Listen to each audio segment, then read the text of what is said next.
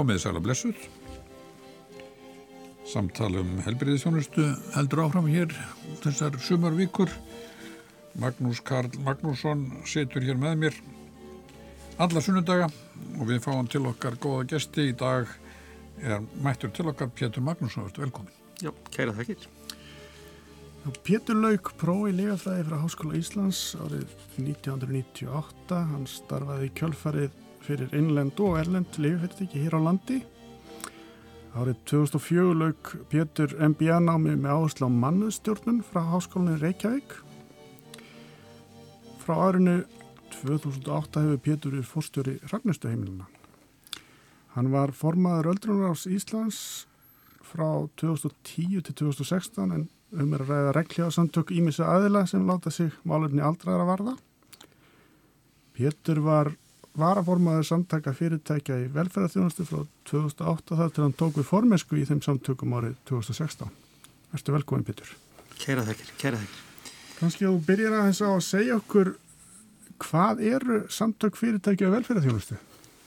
Já, það er nú góð spurning. Þetta er unni samtök sem að uh, eru, getur við sagt, bara samtök, félagsamtök og fyrirtæki sem eru almennt ekki ríkisfyrirtæki og starfa samt að heilbriðis og velferðamálum í samfélaginu okkar, samkvæmt þjónustusamningi eða einhverjum öðrum greiðslum frá ríkinu. Og þarna inni eru 47 aðaldafélög eins og er, mm -hmm. flestaðum eru hjúgrunarheimili, en svo eru með aðalega þarna eins og S.A.A. Krabbaminsfélagið, Sjálfsbjörgarheimilið og, og fleiri, fleiri slík aðalega. E, samtals er, er þessi, eru er, aðaldafélag þessara samtaka með um 15% af heldar útgjöldum e, ríkisins til helbriðismála. Þannig þannig að þetta er stór, stór póstur í þessu og, og, og maður segir nú alltaf þegar maður talar um samtökjunni að, að án okkar væri velferðar og helbriðiskerfi sannlega öðruvísu og, og samfélagi fátakra ef okkar neyndi ekki við. Sko. Þannig að það er, sko, þessi, þessi skipting, er, er þetta hrein skipting að, að ríkið inn á spítulónum sjáum að gera við dótið, lækna, en þið hlinnið að hjúgrið? Nei, alls ekki, alls ekki, sko. Það er nú ekki, ekki alveg svo gott. Það er alls konar grásvæði þessu og, og, og ímislegt fleira innan okkar samtaka er til dæmis eitt fyrirtæki sem er nú bara í eigu ríkisins, eitt hjúgrunheimli mm. og verða tvö núna fljóðlega. Þannig að, þannig að skiptingin er nú ekki, ekki, ekki reyn en, en það er svolítið svona aðtæklusvert að velta fyrir sér sko hvernig samtök verða til eða öllu heldur aðalda félögin því að þetta eru fyrst og fremst svona hagsmunagjastla sem sem að samtökin sem slík er er, er að veita fyrir sín aðaldafélagi meðal annars bara samningar um kaup og kjör starfsfólks mm. því að þetta eru mjög stórir vinnustæðir helbriði starfsfólks mm. E, næstæsti vinnustæðir sjúkræðilega og hjókunarfræðinga á Íslandi til dæmis eftir landsbytalan ef, ef við tökum samtökin samanlagt svona, já, svona, svona, sem dæmis er tekin þannig að það þarf að semjum kaup og kjör þarna eins og, og annað og síðan er við nú og ég kannski nota orðið því miður að eða nota mjög mikinn tíma í hagsmunagesslu gagvart ríkinu og, og stjórnvöldum í íms mál. Mm -hmm. Auðvitað er það gott að mörguleiti en, en að sumuleiti er það, finnst, finnst manni alveg sorglegt hvaða fer mikil tími í að ræða svona mál sem að manni finnst allir vera sammálum sko í orði en svo þegar kemur að gjörðum að þá, þá einhvern veginn hegsta málinn þannig að og þá eru við kannski að tala um bara fjárframlög og annað hvernig, hvernig það er að þróast og, og við þurfum að gæta okkar hagsmuna. Er, er það meira, meira þá fjár, fjármál heldur en stefna í, hvað var að segja, í aðlinningu, einhvers konar kenningar þar? Já, það, það kannski þróast út í það á síðust árum en við náttúrulega höfum innan okkar viðbanda mikið af hæfu fólki, fagfólki í þessum greinum og e, velferð og helbjörnstjónustu og ofta tíðum fólk sem er í fremstur auðjafli heiminum í, á sínu söði og það hefur náttúrulega mikla reynslu til að bera um, um þau mál sem, a, sem okkur varðar og því myndum við náttúrulega vilja að 80-90% tíman sem við erum í samskiptum við stjórnvöld eða, eða er unni slíkri umræðu að, að það fari í fagleg málefni og hvernig getum við gert hlutinu betra en, en ekki bara í því að, að hvart og hvern yfir krónum og örum og, og hvernig það er skiptast sko. en, en auðvitað er samt kannski drivkrafturinn í flestum okkar aðaldafélög kemur til á sínu tíma út af kannski þörfi svona, í þjóðfélaginu og þar getur við nefnt dæmi bara eins og S.A.A. krabbaminsfélag og fleiri og kannski ekki síst ekki síður skulum við segja það fyrirtæki sem ég vinn hjá Hrafnista sem, sem upprunnilega og er í dag í eigu sjómannafélaga á Hauðbruksvæðinu mm. og, og var sett á laginnar á sínum tíma til að rauninni sem dvalarheimili fyrir aldraða sjómenn og ekki þeirra sem voru ansi margar á, á þeim tíma. En svo þróast þetta út í að að vera runni bara orðið bara ákveðis grunnstóð í, í helbriðs samfélaginu eða velferðarsamfélaginu okkar.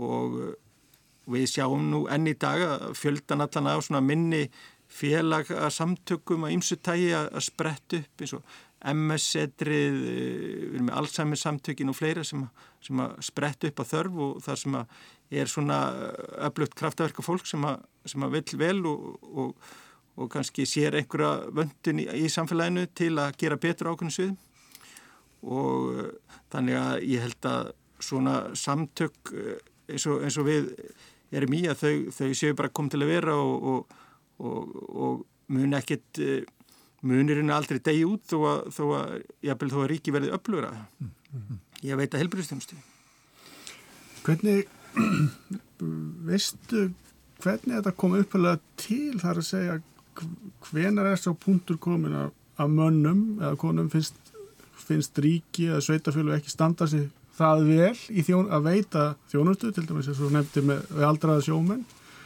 hvenar kemur kemur sá tímapunktur var sá tímapunktur þar að segja hvað er þetta laung saga? Já, ég hugsa sem okkar aðaldafjölu eru, eru 100 ára eða nánast þannig þannig að Sko þetta kemur venjulega alltaf til að það er fólk sem eru aðstandendur einhver, einhverja sem er í vandræðum í, og, og þau vilja knýja á um breytingar og, og láta gott að sér leiða, eru kannski komið ákveðna reynslu og vilja koma því áfram eða hitta aðra sem er í svipari stöðu. Og, og þannig svona myndast svona samtöku og það er þetta nefna örglega sko, 20 ef ekki 100 svona samtöka bara enn en, en þann dag í dag sem eru starfandi og ég hugsa um fjölgi frekar en hitt mm. en svo er alltaf spurning sko hvenar er síðan tímapunkturinn að ríki taki yfir og fara að sjá um þetta mm -hmm. og, og það verður sjálfsagt ef maður er reynskilin og, og segir kannski pínu brósandi að það verður sjálfsagt þrætu eppli svo lengi sem mannkynni lifur á jörðinni held ég mm. en auðvitað höfum við ákveðnar áökjur núna í, í samtökunum út af því að, að við erum alltaf að berjast í peningum eins og við kom, kom að hérna á þann og, og er ekki, þeir eru ekki óþrjótandi uppspretta þannig að við viljum gjarnan fá að koma svolítið meira að því uh, stefnumótinu öðru í samfélaginu og höfum kvartu svolítið yfir því við stjórnvöld hvað við fáum í rauninni lítið að koma að því. Nú er líka til dæmis fyrir dröga heilbriðstefnu Eh, sem að núverandi ríkistjórn hefur lagt fram sem er rauninni bara mjög gott mál. Það er verið að leggja fram svona grunnstóðunar í því hvernig helbreyðiskerfið okkar á að, á að vera uppbyggt sem er rauninni mjög þart mál því að eftir slíkri stefni höfur í kallað e, hérna mikið á undarförnum árum og þannig að allir lappi í takt og, og viti hva, hvað, hvað við erum að fara að gera En hins vegar hefur svolítið rödd okkar aðaldafélaga, ekki síst hjúgrunheimila, algjörlega eh, vantað inn í, inn í þessa umræðu. Hjúgrunheimilin eru, eru að fá í dag sko um 30 miljardar ári úr af fyrir til hel, helbriðsmála og þar eru heldar útgjöld 230 eh, miljardar eða svo. Og uh, þannig að þetta er gríðala stór málflokkur og það er okkur finnst í rauninni til dæmis ef við tökum hjókurnaheimilin sem dæmi að þá finnst okkur eiginlega órjúvanlegt að vera að ræða heilbríðstjónustu eða, eða stefnu heilbríðstjónustuna án þess að þá verða, verðurinn að ræða um hlutverk hjókurnaheimilina í leiðinni. Það er að segja hvað viljum við að hjókurnaheimila á Íslandi eigi að gera til framtíðar og, og þá þurfum við líka ákveða þjónuststig og annað sem, að, sem að við viljum sjá þar. Hva, hvaða hlutverki eiga hjúgrunarheimilin að gegna? Því að eins og við heyra á þessum tölum þá er þetta ekki smá peningar og öldruðum er að fjölka þannig að, þannig að það er ekkit verið að fara að minga neitt eh, peningana þar. Mm. og það sem við kannski verið að berja svolítið fyrir líka á síðustu árum er, er bara þetta ákveð gegnsæði líka í fjármála umhverfi þessa málaflokka sem við störum í. Við höfum það er náttúrulega til lög og reglugjur í landinu þú veist hvað það sem að þjónustu stiga á ymsum sviðum eins og til dæmis í starfsemi hjókurunheimila hvaða þjónustu á veit og annað slikt og það er bara mjög gott að hafa það uppi en þá fyrir gegn, í gang ákveði kerfi sem að, sem að okkur finnst svona hálfgerð keðja sem er órjúanleg að, að þá þarf að um leið og löggefni búin að setja reglur og lögur reglugerir þú veist hvað á að gera í íslensku heilbyrðiskerfi þá að veita á þess að þjónustu eða, eða gera þetta, að þá þarf einhvers konar lí, nákvæmari lýsingar á því hvað á síðan nákvæmlega að gera, það er að segja eh, hver, hvernig og, og, og hver mikið. Mm. og þetta kannski orðið sem að við og, og eins og heilbæriðsraðandi notum mikið um þetta er, eru svona kröfulýsingar. Og á mannamáli segir mann ofta að þetta sé bara eins og uppskriftabækur.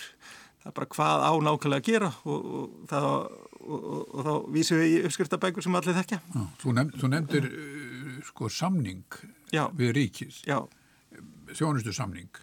Er, er ekki þar, þar setjast með niður og, hvað, og skilgreina í rauninni uh, hvað, hvernig starfseminn, hver hún þarf að vera? Jú, jú, uh, sko samningar er held ég í rauninni mjög mikilvægir eh, sem, sem hluti af þessu, þessu ferli sko að, að hérna auðvitað er að kjósu við okkur 63 alþengismenn til að setja ákveðina svona línur í, í samfélaginu. Og, og þannig verður til þjónustu stíð sem á að veita að, hvað á að gera nákvæmlega. Og svo þurfa þá þessar lýsingar að koma frá fagfólki og ráðanæti og öðru slíku, það er að segja uppskriftabækunar hvað á nákvæmlega að gera í lýsing hvernig það er. En síðan þessum, og þetta, þessi hlutaferlinu er í ágætisfarfi, en síðan eh, er næsti punktur eða næsta, næsti hlekkur í keðinu á okkamati er svo kvöldur kostnagreining. Það er að segja að þá tölum við um sangjarna, raunsæja og gegnsæja lýsingu og greiningu á því hvað þetta þjónustustig sem að ráðamenn vilja hafa eða, eða alþengismenn, hvað kostar að gera þetta sem við erum að byggja um og þegar það likur fyrir, það þarf að vera bara eitthvað svona, eins og ég segi, gegnsæ, raunsæ og sangjöld greining á því, hvað, hvað kostar þetta sem að menn vilja gera og þegar það likur fyrir, að þá þarf annarkvört að reyða fram þær greiðslur sem að þetta kostar raunverulega eða að það þarf að vera það, þá, annar, eða það þarf að slá af uh, þjónustukröfunum og, og, og lækka þjónustukröfunar eða það er ekki til fjármagn. Mm. Og þetta þarf raunin alltaf að haldast í hendur og auðvitað þarf síðan að vera eftirlit með öllum þessum þáttum. Og þannig að uh, kjarnin í þessu er kannski að, að, fjármagnið sem við höfum í þennan málflokk að það nýti sem best mm.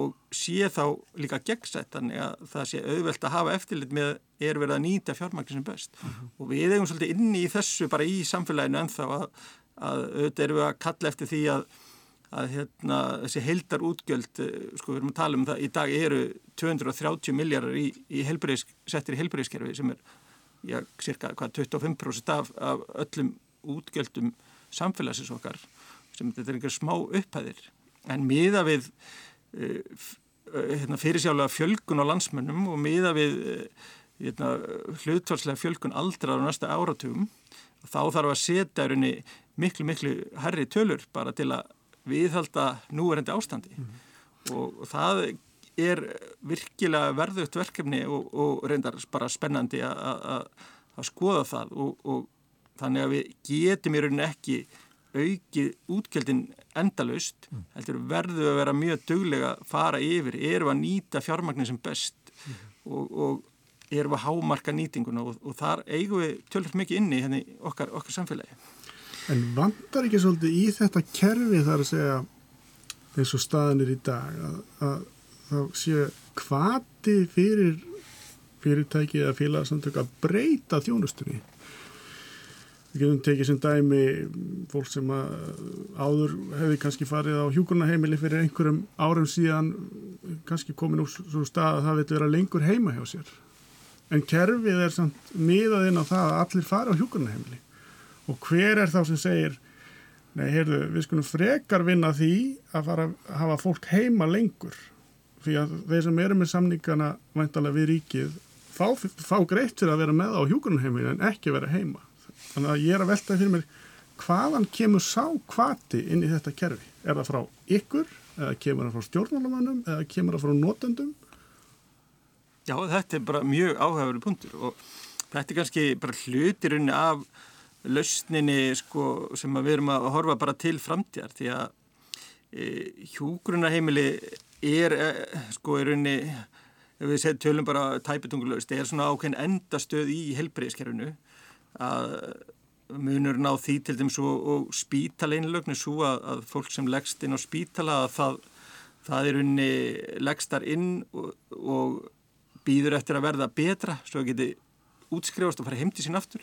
En þegar fólk kemur inn á hjúkunarheimili þá er það bara heimili það sem eftir er æfinar og, og þar þá að bara með þeim kostum og göllum sem það, mm. þannig er.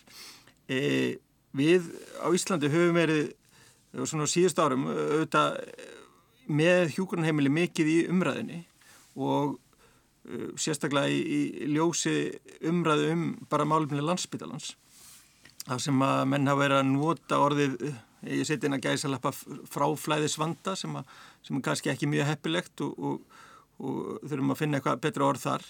En það snýst um það að, að ákveðin hópur í samfélaginu og aðalega aldraðir að þeir sagt, leggjast inn á landsbytala út af einhverjum ástæðum. En síðan kemur í ljósa þegar það er búið að fara yfir þeirra mála það er í rauninni ekki að senda fólki heim aftur.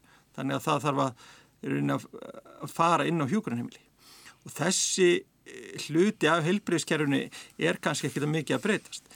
En það sem að við sem að störfum í þessu höfum verið að benda stjórnvöldum á og, og ég held að sé mjög margi sammálum það að það við þurfum að fara í rosalegt átak í því að rauninni að halda fólki heima ég má segja þessu svo með ímsum aðgerðum eins og forvörnum, endurhæfingu og fleiri þess að þar.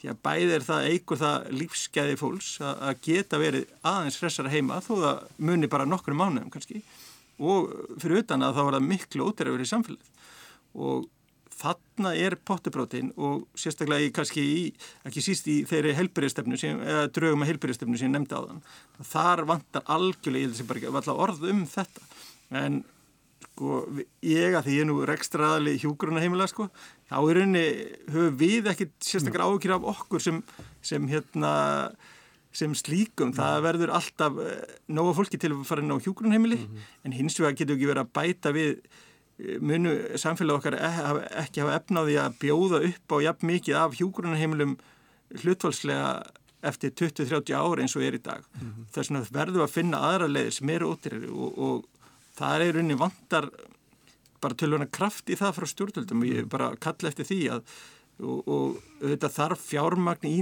ný verkefni og nýsköpunarverkefni mm -hmm. og, og það hefur verið rosalega hægt þróun á því en, en, en e, þetta er unni ímis búsetti úrræði þar sem að fólk býr heima með stuðningi eða er, fer í dagdvalir eða endurhæfingastar sem eða slíkt bara til að senka því að þurfa að leggast inn á hjókrunemili allar slíkar aðgerðir eru, eru bara mjög tilbúta og, og það er unni svolítið lausnin sem að þarf í okkar samfélag og, og við erum eftirbáta margra landa með, með þennan hluta. Sko. Þannig, en þetta, þetta mál er dæmi um, um, stef, um í rauninni stefnumótun sem þarf að koma til og getur hvorki verið á hendi hjókrunar heimilanna nýja til dæmis landsbítalans. Þetta lítur að vera hvað að segja, almennasta á þessu, al, í almennistu reglífinni sem tengist bara almennir hugmyndum helbriði eh, fólks. Al, algjörlega, algjörlega sko.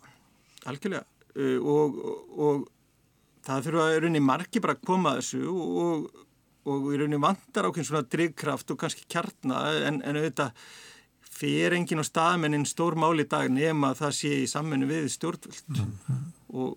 og þannig að ef einhver þar er að hlusta þá, þá myndi ég hvetja þau til dáða því að þetta er bara, bara nöðslilt fyrir samfélag okkar því að þetta fara líka þarna saman sko bæði það að, að lífsgæði fólk, fólk hérna, aukast og, og, og við erum að nýta fjármagnu okkar betur því að við munum ekki ef við segjum að það sé eitthvað x hlutvall af 80 ára eldri inn á hjúgrunarheimilum í dag að eftir 20-30 ár getum við ekki haft sama hlutfalli, það verður, verður lagra, einfallega af því að þetta er svo dýr þjónusta.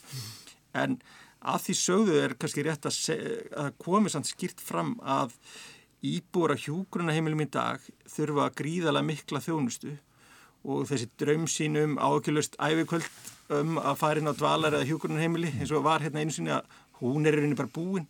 E, þeir sem komast inn á hjúgrunaheimili í dag eru þurfa að vera gríðala mikla þjónustu og, og, og aðstofi umönun og aðtapni daglegs lífs þannig að, þannig að allir sem eru þokkala hressir að þeir eiga ekki sens að komast inn á hugrunheimili lengur mm, mm. og þurfa þar að leiðandi annars konar þjónustu sem við verðum að vera duglega að standa okkur í eins og heimaþjónustu og, og kannanir hafa nú sýtt það að eins og samanbyrju nákvæmlöndin er við langt, langt eftir þeim í, í fjármagni í heimaþjónustu.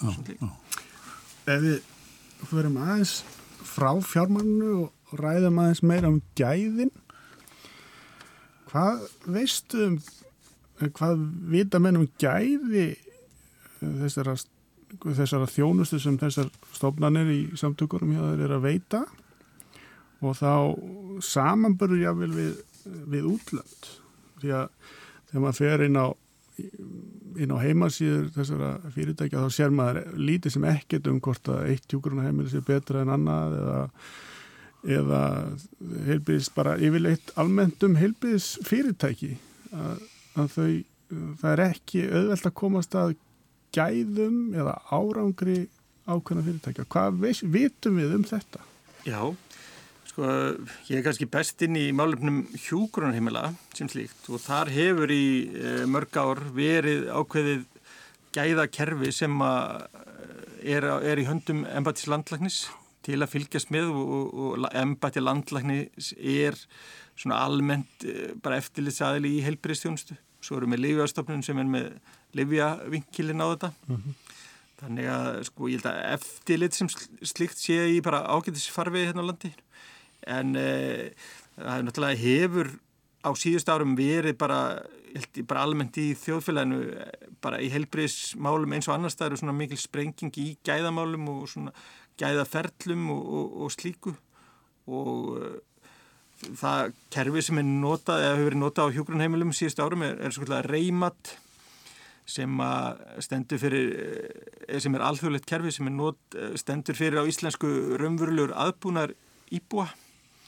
Og þetta er aðferð til að fylgjast með helsufari og bara velferð aldrara eða, eða íbúin á hjógrunheimilum og þannig er hægt að líka afla með samrændum hætti upplýsinga um þarfir og, og, og tryggja hámarskæði þar að segja þetta er svona nokkus konar eins og engun í, í skóla fólk fær, fær engun og það er að bera sér saman við, við aðra en þetta hefur nú kannski ekki verið mikið byrt samt ofinbeglega og væri, væri kannski ágætt en, en út úr þessu kerfi sem er, þetta er sem sagt gert þrísvar ári fyrir hvern einasta íbú inn á hjúgrunheimili að þá kemur svo kvöldu reystuðull sem er hjúgruna þyngd hvers og eins íbúa og síðan er hægt að finna þá meðaltal þyngdarstöðuls við komum til hjúgrunheimilis eða, eða deildar mm -hmm. og, og þar að leiðandi er hugmyndin svo að það sé hægt að nýta hennar stöðul til að meta hvað þarf mikið að starfsfólki við hjókurinn ummunun og, og þess aftur en, en þess að mælingar hafa sínt það á síðustu árum að um leið og,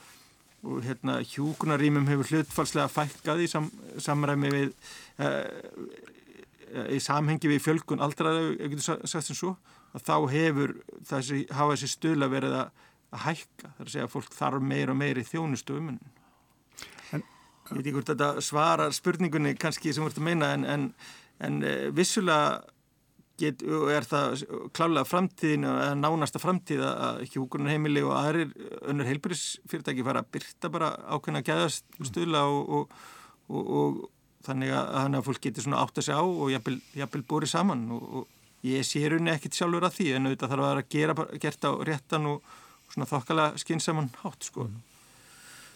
En En þú finnur fyrir því, ekki fyrir því í þínu starfi að það sé eftirspurn eftir slíku. Það er mjög aðtrygglega að við kaupum okkur bíla eða við kaupum okkur liggjum alveg á netinu til þess að aðtöða hvort hann fóði góða eða slæma dóma en þegar kemur að helbíðisjónustu þá þá mingar þetta uh, þessi eftirspurn. Já, sko, ég held nú að kannski kjarnin í því sé ákveð tröst sem að ríkir bara hér á landi til heilbriðsmál að, að almennt tristi fólk því bara að heilbriðstofnanir, hjógrunheimili og aðri sem er í þessu séu að veita topp þjónustu mm. og, og þú séu með allt í læg séu með hlutin í læg en eh, en auðvitað bara sko, ég held að við getum alveg sagt að, að, að ef, við, ef við tökum hjógrunheimilin aftur sem dæmi þá höfum við svona flest hjúgrunheimili haft á stefnu svona síðust árum að vera að opna svolítið meira hjúgrunheimilinu, hvetja ættingja og vini íbúina til að koma, vera meira í heimsóknu og, og bara dvelja sem mest og taka þátt í daglegu lífi eins og hægtir. Það er bara e, e, eigur lífskeiði íbúinu og mingar félagslega einangrunum og slikt.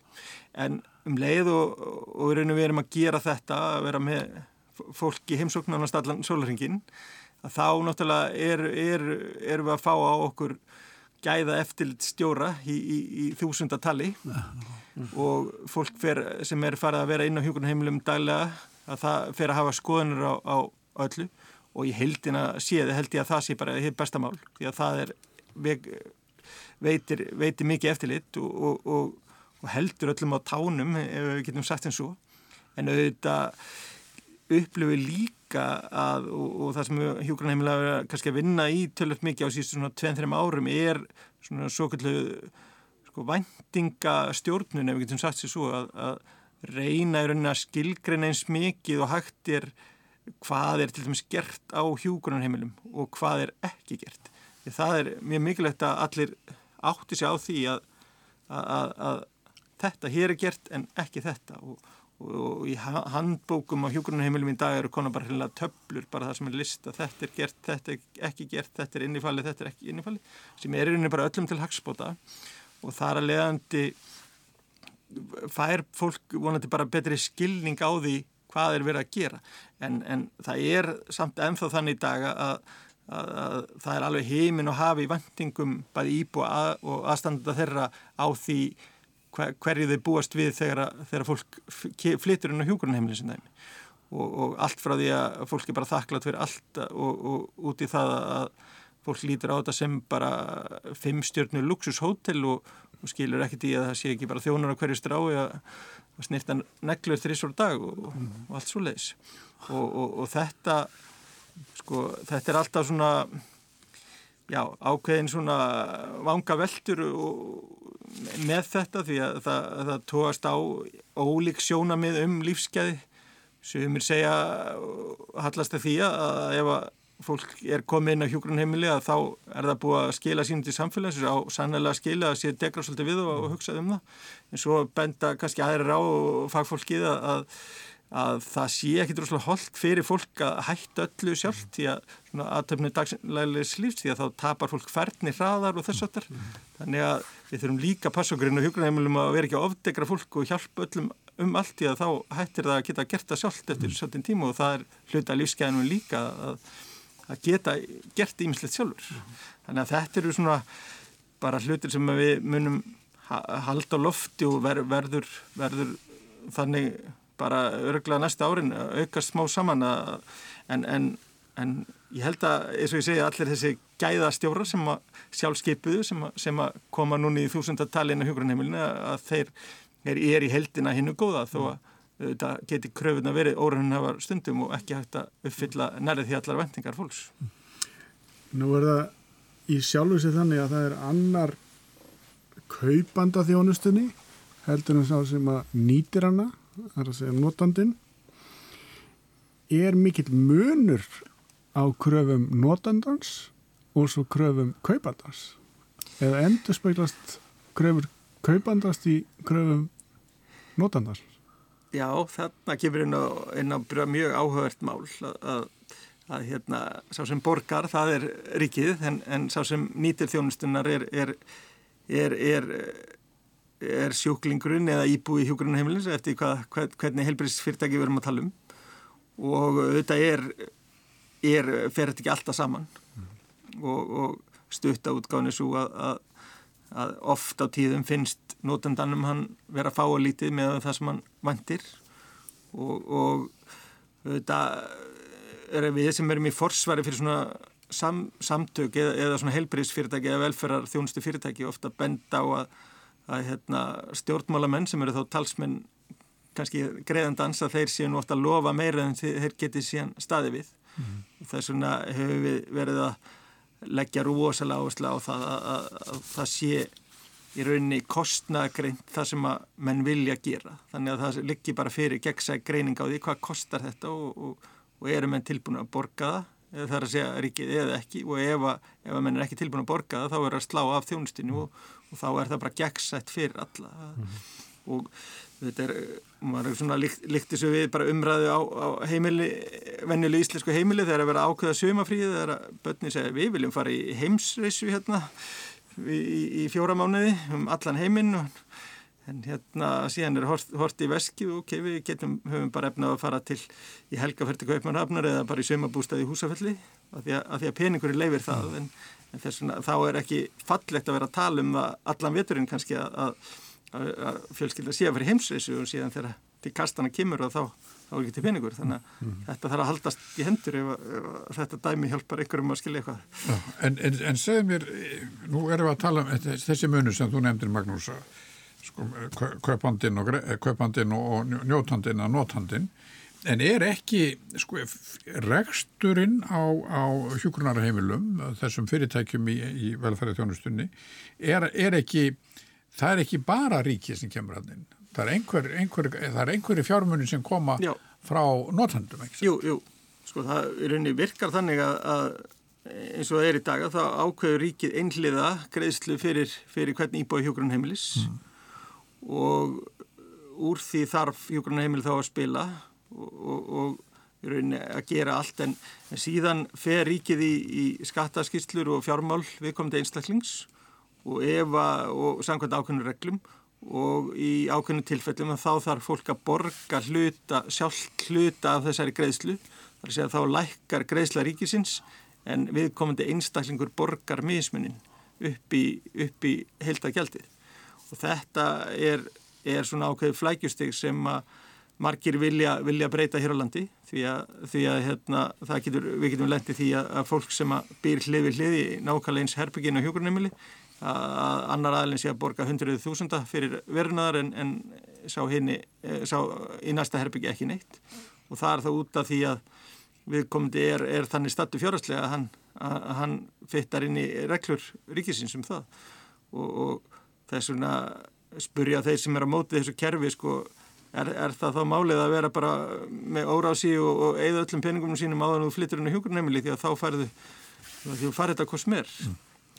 og, og þannig að það er svona pólitísk umræða sem, að, sem er áhugavert að taka og skoða hvort að fólk geti hvort að það fara að hafa hjúkurnemilin í einhvernum stegum eða eitthvað þess að þar þeir sem eigi bara rétt eins og heima hjá okkur að sem er búið í einbíljótsúsum að aðri vilja búið í blokkaríbúðum mm og, og, og hvort það er að vera svoleiðs valin og hjúgrunheimili en hinga til höfu við bara haft þetta eitt yfir, yfir alla þegar að fólki koma á þetta skeið í lífinu en, en þetta er sannlega pólitísk umræða. En, en hjúgrunheimilin sem slík geta í raunni hafa ekki leifi til að vera að taka fjármagn af fólki því að er stundum verið að ræðum það getur við ekki bara að fara að rukka fólk fyrir hitt og þetta til þess að til að fá aðeins meira, meira pening í bytuna en, en það er sérstaklega í rauninni óheimilt sangat lögum þannig að Þannig að hjúkurnaheimilin aldrei að taka neitt meira það, þau fá bara minna af ríkinu og er innheimti stopnum þá að innheimta það sem ávandar frá viðkomandi einstakling. Þannig að það væri ríki sem myndi velja, hefði getið sagt sem svo, já við, við viljum frekar fá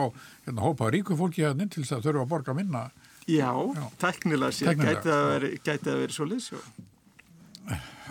En þetta er eins og það er sko allavega þetta innheimti fyrirkomulega eru við á hjókunarheimilum mjög ósatt við því að við, okkur finnst eh, við ekki koma okkur við hvernig fjármál íbúin okkar standa þeir eru bara allir að fá sömu þjónustu og, og bestu þjónustu sem möguleg er og það að við séum að standi að rukka sömu aðra ekki sangvat einhverjum útreikningum hjá ríkistofnum sem við komum ekki nálagt að, að það finnst okkur óþægileg aðstæða og, og, og ekki, ekki rétt.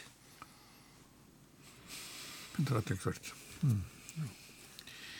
En bara í, til að upplýsa hlustendur, sko, rík, hvaða ríkistofn er það sem í rauninni Það, það er einu tryggingastofnun ríkisins sem, sem að reknar út sagt, greiðslu hlutfall á viðkomandi íbúa Já.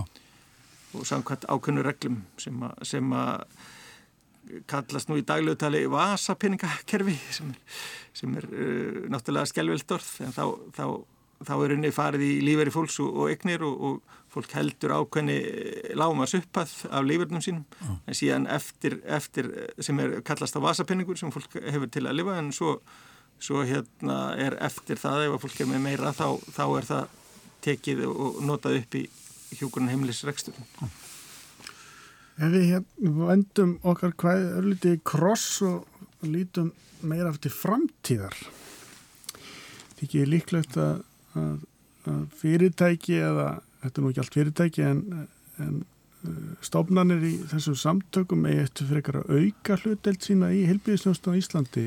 Nú veldi með eins og þú varst að lýsa þá er þetta oft að tíðum sprottu úr græsrótarhefingum þannig að það virðist vera einhver nýsköpun í þessum fyrirtækjum átt á tíðum, skulum orða það.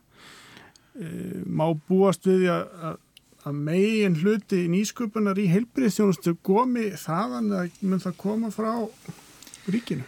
Sko, þetta er bara mjög áhugaverð, áhugaverð spurning. E, sko, í gegnum tíðina þá hafa, hafa þessi fyrirtæki eða, eða félagsamtök eins og tengjast okkur verið með stóran hluta nýsköpunar og þá er ég kannski meira svona meina almennt út í samfélaginu það er svona þjónusta við einhver, einhverja sérhagsmunahóp og uh, það er til já, hundruðir að alls konar uh, litlum stopnunum eða litlum félagsamtökum sem eru með svona ákveðin hlutverk við ákveðina hópa, kannski sjúklingahópa eitthvað slikt sem að og flestir að er ekkert í okkar samtökum sem slík. En þannig er oft svona grasrót í, í nýsköpun sko á þeim vettfangi auðvitað kannski í þeirra umræðu nýsköpun auðvitað er ákveðin á spítilum að vera að prófa nýja lækningatæki og hlutis sem kannski tengist þessu ekki.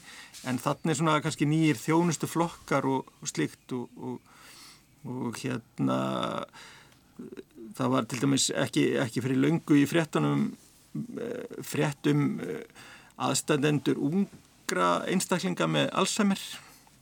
Þeir voru að stopna samtök þar sem að, þar sem að þeir voru að runna að koma saman til að fara að veita þjónustu fyrir, fyrir unga aðla með, með heilabilun og, slík, slík, slíka slík uh, segja, vandamál.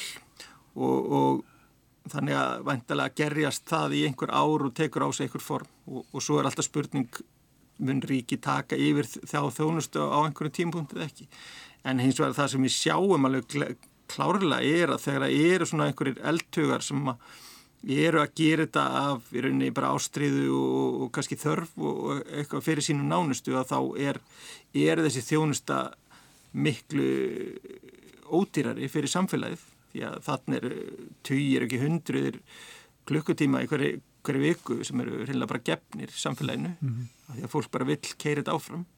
Og það er alltaf það sem maður hefur ágjur af þegar ríki tekur svo yfir svona starfsemi að, að, að, hérna, að þá verður allt dýrara eða oft skulum við segja mm -hmm. og það, það sjáum við alveg þannig að ég veit nú ekki alveg já ég held að þetta, þetta fyrirkomulega ég meina krabbaminsfélagið S.A.A. eru, eru, eru dæmum þetta allir mm -hmm. og, og, og já og þannig að ég held að svona drivkraftar eldmóður uh, séu bara nöðsilegar í samfélagunum okkar til þess að bara verði nýsköpun og, og ný, ný þjónusta því að, því að þetta breytir samfélagið okkar og við fáum við getum nefnt endalus bara endalus að vinkla á þessum málum. Til dæmis til dæmis ný, ný samtök eru Pieta samtökin sem eru eru, eru hérna sem eru er verið að fjallum sjálfskaða og, og sjálfsvík og þau eru vantilega stopnuð upp úr svona grassrút á þess að ég hef skoðað neitt svona. Þannig að það er alltaf komið ný og ný vinklar og, og við viljum auðvitað meiri lífsgæði fyrir fólki okkar og þannig, þannig, þannig mun þetta bara halda áfram. Ég veit ekki hvort þetta svarar kannski spurningunni samt. Þetta er samt mjög aðtilsverður punktur sem kemur þetta inn á og það er þessi samfélagslega ábyrð og þá er eins og, eins og nefnir þá eru margir einstaklingar að gefa sína vinnu og tíma í að annast þá sem þess þurfa. Og eh, ég velti því fyrir mér eh, verður svo þróun meiri þar að segja þurfum að sjá meira af slíku í framtíðinni svo að heilbriðiskerfi framtíðanlega geti staðið undir sér Já. og verðum að fara óska eftir því að, að fólk sjáu meira en um fóröldra sína og lengur og börnin sín og, og ætningi almennt Já, þetta er alveg mjög hérna, mjög gaman að taka þessar vangaveltur því að því að við horfum kannski til nágrann land okkar að, að þá er í sömu löndum, eins og við tökum kannski Holland sem dæmi, þá er bara stór hluti af eins og öldrunarþjónustu mm. bara, bara runni haldið uppi af sjálfbóðla samtökum. Ég heimsótti til dæmis stó, stóra keðju hjúgrannheimali í Hollandi, ekki, ekki alls fyrir lengu. Þar var bara þriðjungur að vinnafli sjálfbóðlar mm.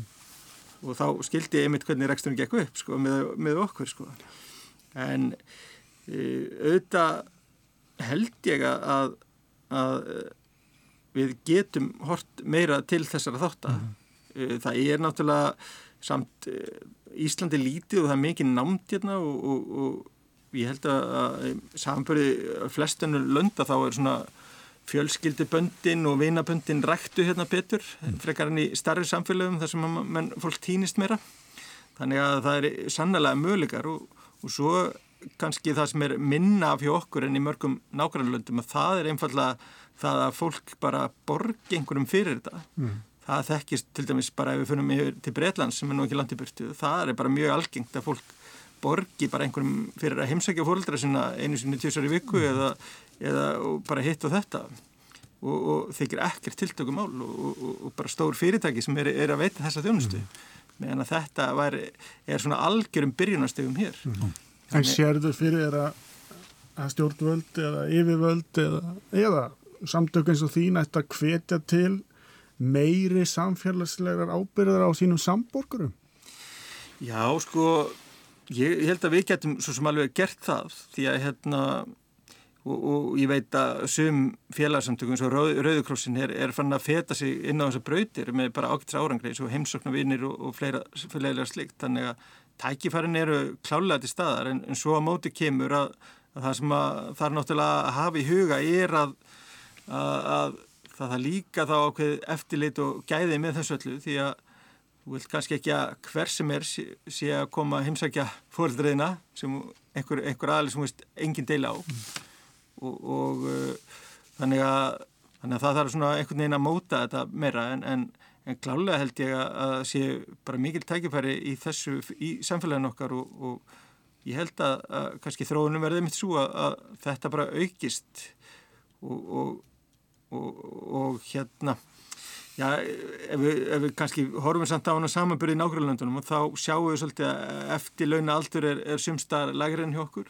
þar eh, hefur það fólk meiri tíma í samfélagsstjónustu og, mm -hmm. og kannski fjölskyldböndin ekki eins sterk eins og hér hjá okkur þar sem allir afar og ömur er, er á fulla að passa fyrir mm -hmm. hérna barnaböndin sko. en, en er ekki, ef, ef við tökum um politík, politíska vinkilna þess að þetta sko, er ekki þetta fyrirkomulag uh, þar sem þar sem allskynnsfélagasamtök og áhugamanarsamtök taka sig til til að sinna ákveðnum ákveðnum uh, hlutum helbriðistjónusturnar. Er þetta ekki, er þetta ekki mjög erskilegt? Er ekki bæðið vinstur og hægrum en mjög ánæðið með þetta? Það er að segja, e, sko, þetta er ekki, við erum ekki beinlýnis að, að, að takast hér á um, um ofinbæra rekstur og engarekstur. Við erum hann með millistík eða hvað? Já, já, og það er eiginlega spurning hvernig, hvernig fólk flokkar það, sko. Þessi rekstur er er kannski engaregstur en samt svona undir því skyni að vera ekki ágóðskyni, þetta er ekki eigur ríkisins. Ekki hagnaðar drifin rekstur. Nei, ekki hagnaðar drifin rekstur og, og þannig er nú til dæmis nánast öll uh, uh, aldarfélagin hjá okkur í okkar samtökum og, og til uh, hundruður öðrum samtökum sem eru með einhvers konar starfsemi en þannig að þetta er sko Þetta er flókið en, og, og það þarf náttúrulega eftirlit með, með þessari starfsemi líka. Mm.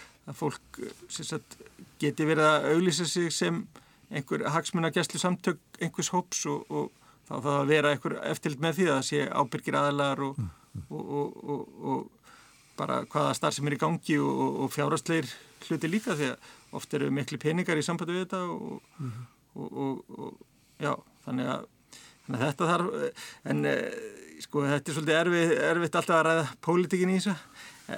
Því að, því að þetta er það spurning um stefnur en, en ég held að ég sé búin að hafa eitthvað 7-8 heilbyrðisáðra yfir mér síðan að ég hóf störfa á hrafnistu. Og ég myndi nú segja 80-90% af því sem að fólk vill er, er, er mikill samhljóðumur um mm, og, og, og í, í þessu landi okkur. Og, og við erum held ég mjög heppið með það að vera ekki alveg að kollvarpa stefnunum eða, eða, eða fyrirkomulæginu eftir því hvaða flokkur er ríkistöld. Mm. Þannig að það er engin sérstök ástæða til þess að ímynda sér að verði, uh, þróunu verði svo að, að ríki takki meira og meira yfir af þessu. Eh, Nýjileg heldur hitt að, að, að þetta verði um, altså sett sem einhvers slags eh, hefðbundin fyrirtækjar ekstur í hagnaðeskinni. Það er, það er eiginlega hvoru línan líklega líklega. Já, já, ég, sko, þetta er alltaf, alltaf erfitt en ég held að þessi þessi félagsamtök sem, sem eru þá þarna millistíði að þau, eins og við komum kannski fram í þessum umræðum okkar að þau, þeirra hlutverk er gríðarlega mikilvægt og það er ekkert að fara, fara að minkandi, fyrir ekkert minkandi því að ríki mun ekki hafa fjármæk til, til að taka yfir alla þessa starfsemi og, og, og, og, og hefur ekki bólmagn í að halda úti sömu starfsemi e, bara hefur ekki fjármæk í það heldur því að það er svo mikið af þessu unni sjálfbáðvinnu og drivkrafti og fólk tilbúið að leggja ímislegt á sig sem og oft bara alveg kraftaverka fólk í ímsu stöðum og, og, og ef við tökum bara aðalega svo S.A. sem dæmi að e, þeirra starf sem hefur gert það verkum að Ísland er í fremstu röði í, í áfengismæð fyrir heiminn mm. og ég held að við værum 20, 30, 40 árum e, eftir okkur ef, að S.A. hefur til dæmis ekki notið við svo við tökum svona dæmi sko Já, já En, en, en spurningin um, um að, að þessi hefðbunnu, það sem er neiga við venjulega þegar við tala um engavæðingu þar að segja, er, sér þú eitthvað á mótið í að, að, að svona þjónusta væri hagnaðadrifin? Nei, sko, ég held að ef að við, sko, gerum, áttum okkur á því hvað hlutinni kosta með því að gera, sérst, vera með nákvæmlega lýsingar á þjónustunni og síðan einhverja kostnæðagreiningu, hvað kostar þetta, svona cirka að gera þetta mm að þá er náttúrulega gott að hafa blanda kerfi þar sem að aðeins sem að finna nýja lausnir til að, til að gera hlutina kannski ódýrara en samt með svipum gæðum þeir, og, eða helst sambarilum gæðum að þeir, þeir fái þá líka blómstra því að það, það hjálpar þá öllum hinnum því að þá skipta þeir allir í það form mjög fljótt sko. Þannig að, þannig að það þarf að vera vera góð blanda af þessu öllu held ég. Já, er það niðurstöðan í dag? Að það þurfi að vera góð blanda? Já, sko, ég, ég held að hérna, ég held að bara almennt með öll þessi mála þá eru hvað, 8 miljardar manna á jörðinni og það er engið tveir eins þó sumum séu líkir og ekki það að þurfa að vera til 8 miljardar uh, úrraðum en, en þá er það þannig að, að það sem hendar einum hendar ekki öðrum og við þurfum að passa okkur rosalega vel að þó við séum lítil þjóð að vera ekki að setja alla í kassa heldur reyna að hafa fjölbreytnina í bóði eins og mögulegt er. Þannig hvort sem það er þjónustu veitandin eða, eða þjónustan sjálf. Og, og ég held að það sé hafkamast og að því að þegar öllur botni kvólt að þá snýst þetta um að auka eða hámarka lífskeiðin okkar íbúina hérna í þessu landi í okkar samfélagi. Þannig að allir, öllum líðið sem best og, og njótið sem sem best og, og þá þarf að geta komið til móts við þarfir, óskir og vonir fólks eins vel og mögulegt er því að þær eru ólíkar og, og munu alltaf verða það. Þannig endur við í dag. Já. Pétur Magnússon, fórstjóri Hrafnistu og formaður samtaka fyrirtæki velferðið þjónustu. Bestu þakki fyrir að sitja á skrafi við okkur Magnús Karl Magnússon. Gaman að hitta ykkur bara. Takk, takk. takk.